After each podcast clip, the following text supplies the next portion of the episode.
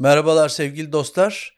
Babalar Bilir Podcast kanalının 3. bölümünde birlikteyiz. Bu bölümde sizinle mercimeği fırına vermeyi konuşacağız. Başlıktan da anlayacağınız gibi bebek sahibi olmanın püf noktaları, bebek sahibi olmadan önce neleri düşünmeniz, neleri yapmanız gerekiyor bunlarla ilgili bütün bildiklerimi size aktaracağım. Ben Tolga Akyıldız. Haydi başlayalım.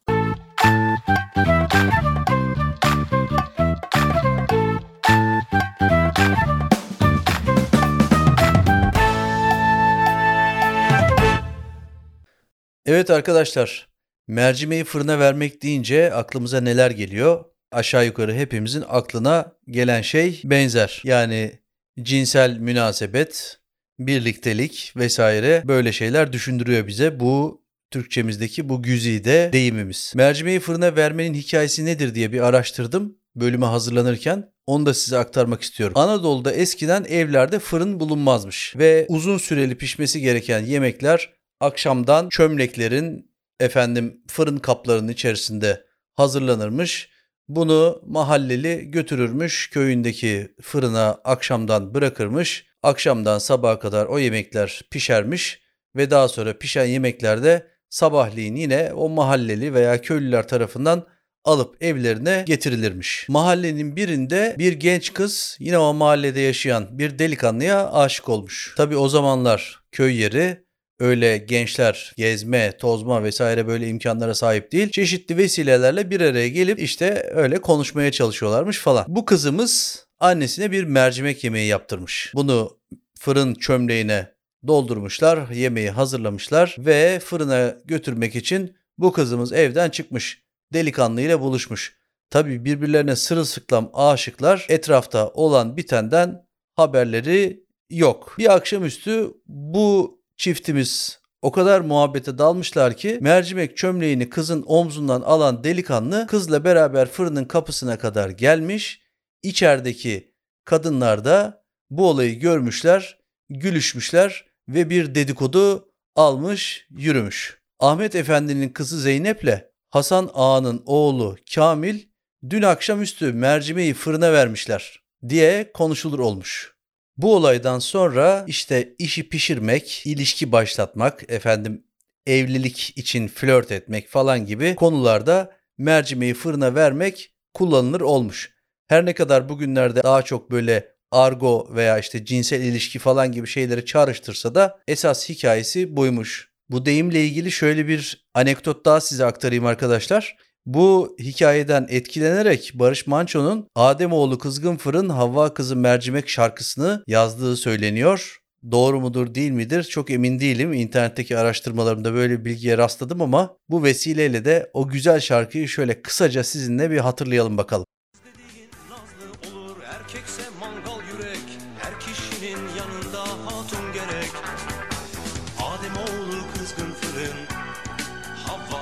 Mercimek.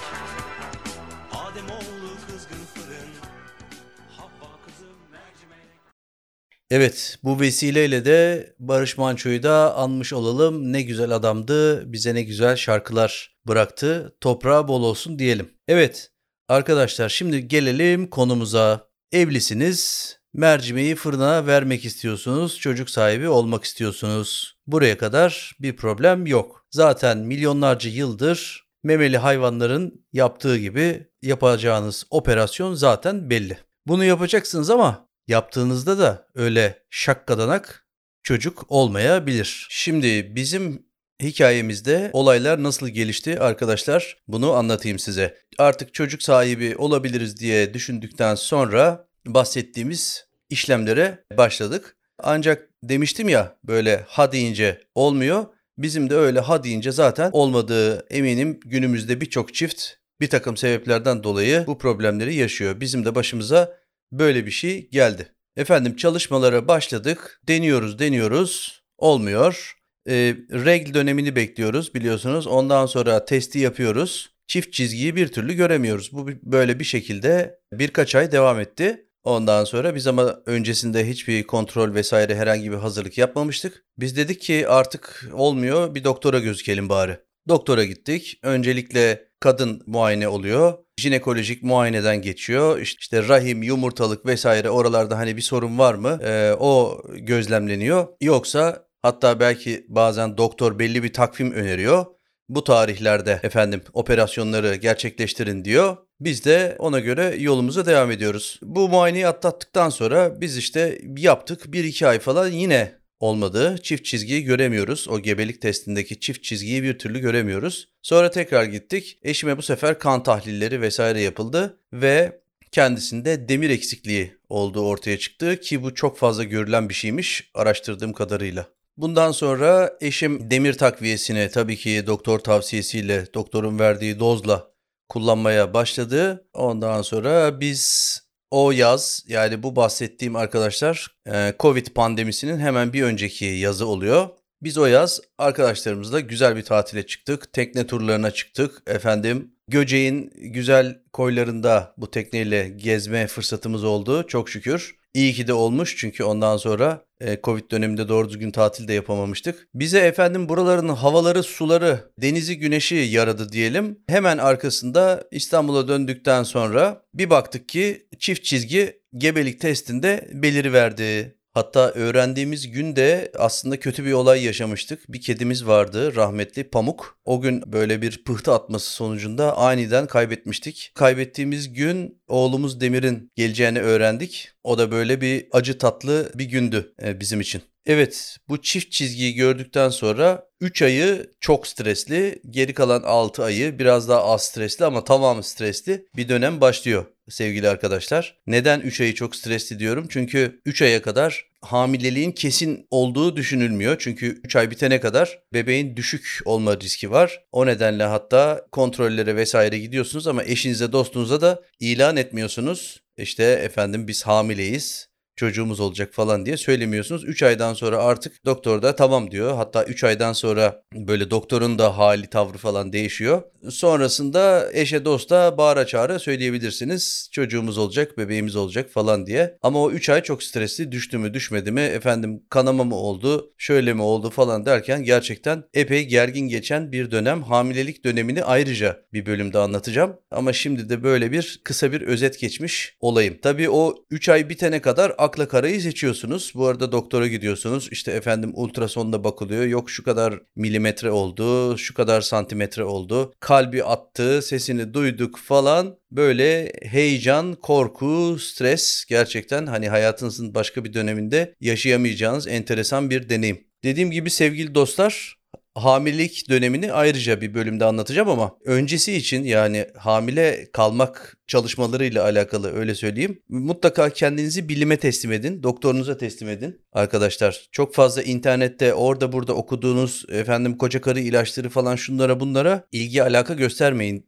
diyeceğim. Çünkü bu işin bir takvimi var, bu işin bir e, efendim bu işin bir kimyası var fizyolojik durumla alakalı olan sebepleri olabilir. Birçok şey olabilir. O yüzden kesinlikle sadece ve sadece doktorunuza güvenin. Bin bir tane şey internette aratsanız neler çıkıyor? Efendim yok şöyle yaptın, şu pozisyonda yaptıktan sonra şunu yedin, şöyle yattın, böyle kalktın.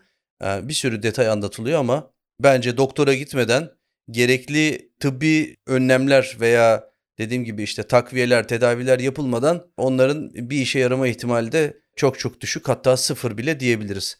Yani özetle doktorunuza gidin, kimseyi dinlemeyin. Biz çocuk sahibi olacağız. Şöyle bir bakalım diyeceksiniz. Doktor da kontrolden geçirdikten sonra efendim operasyonlara başlayacaksınız. Yani ocağı şöyle harlayıp mercimeği fırına efendim güzelce vereceksiniz. Ondan sonra bakacaksınız pişiyor mu pişmiyor mu? Evet dostlar işte bizim hikayemiz bu şekildeydi. Genel bazı tavsiyelerde bulunmak istiyorum hamile kalmadan önce hamile kalmayı düşündüğünüzde hani e, işin tıbbi tarafını doktor muayenesi, gerekli besin takviyeleri, şunlar bunlar e, onlar zaten dediğim gibi doktor tarafından bunlar size reçete ediliyor. Nasıl yapacağınız detaylı olarak anlatılıyor. Ancak ben işin bir de duygusal ilişkiniz açısından olan tarafına bir de bakmak istiyorum. Çocuk sahibi olmak sevgili dostlar hayatınızda vereceğiniz belki de en önemli karar. O vereceğiniz karar sonrasında bütün hayatınız boyunca sürecek bir sınav, bir sorumluluk, bir yük altına giriyorsunuz. Yani bu çocuğu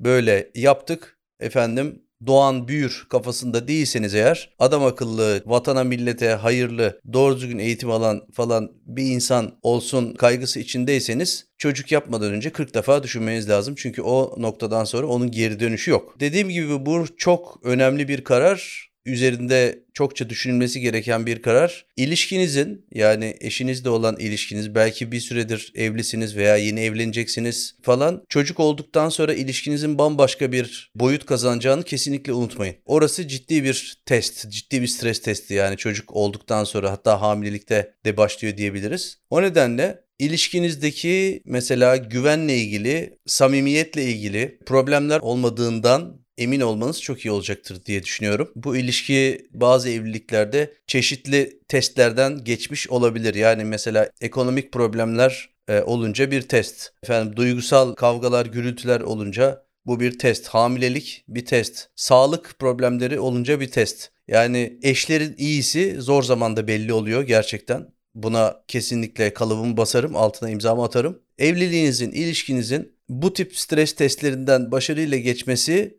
bence birbirinize güven konusunda bir problem yaşamayacağınızı gösteriyor olabilir. Tabii böyle sorunlar yaşamamış da olabilirsiniz ama gerçekten eşlerin birbirine olan güveni hamilelik öncesinde böyle emin olunması gereken en önemli unsurlardan biri diye düşünüyorum. Araya babalar için bir uyarı sıkıştırmış olayım. O çocuk doğduktan sonra sevgili babalar pabucunuz öyle bir dama atılacak ki böyle 70 katlı rezidansın damına atılmış gibi o papuç bir daha yıllar boyunca aşağıya inmeyecek haberiniz olsun. O güne kadar eşinizle efendim sarmaş dolaş yediniz, içtiniz, gezdiniz, tozdunuz, yattınız, kalktınız, film izlediniz, içki içtiniz, çay içtiniz. Ondan sonra onları epeyce bir süre unutacaksınız. Çünkü eşinizin çocuğundan, bebeğinden başka gözü hiçbir şey görmeyecek. Kendiniz de buna hazırlayın. Son olarak bazı sağlık önerilerinden de bahsedeyim. Bebek sahibi olmayı düşünmeden önce arkadaşlar mutlaka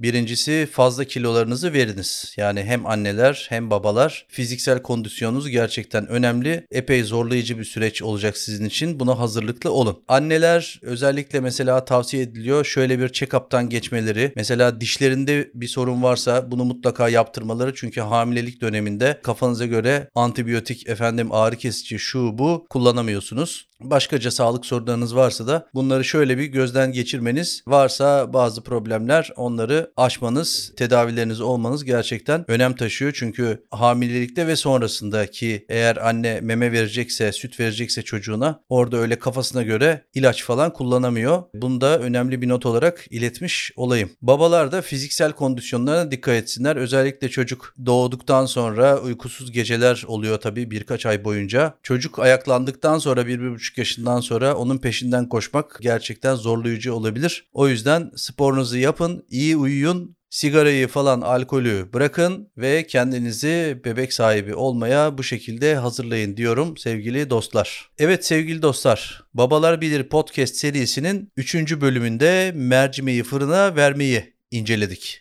Bu konuda kendi bildiklerimi, kendi penceremden gördüklerimi sizlere aktarmaya çalıştım. Çocuk sahibi olmak dünyanın en güzel şeyi, en eğlenceli şeyi. Umuyorum her isteyen problemsiz bir şekilde sağlıkla, neşeyle bu süreci atlatır, çocuklarını kucağına alır diyorum. Bu eğlenceli süreçte sizlere kuvvet diliyorum. Annelere de bir tavsiyem var. Biliyorum bu süreç sizin için gerçekten epey zorlayıcı hem psikolojik olarak hem fizyolojik olarak gerçekten sizi zorlayan, tüketen bir süreç. Muhteşem bir iş yapıyorsunuz. Gerçekten bir mucize ortaya koyuyorsunuz. Ama bu süreçte lütfen babaların hakkını da yemeyin olur mu? Onlar da kendi doğaları, kendi akılları yettiğince tabii bir anne gibi hissetmeleri, bir anne gibi bu süreci yaşamaları mümkün değil. Çünkü onlar anne değil. Yani kadın değiller, erkekler. Bunda ne olur unutmayın. Onlar da ellerinden geldiğince size bu konuda destek olacaktır. Lütfen siz de onları böyle hor görmeyin. Efendim sen ne anlarsın ki falan diye bu adamcağızları aşağılamayın. Onlar da ellerinden geldiğini sizin için yapacaklardır ve yapmışlardır. Emin olun. Lütfen bunu da kulağınıza küpe edin diyorum. Evet dostlar, Babalar Bilir podcast serisini beğeniyorsanız lütfen takip edin ve arkadaşlarınızla paylaşın. Aynı zamanda Babalar Bilir Instagram hesabını da takip edip yorumlarınızı oradan bana gönderirseniz çok memnun olurum. Görüşmek üzere, kendinize çok iyi bakın.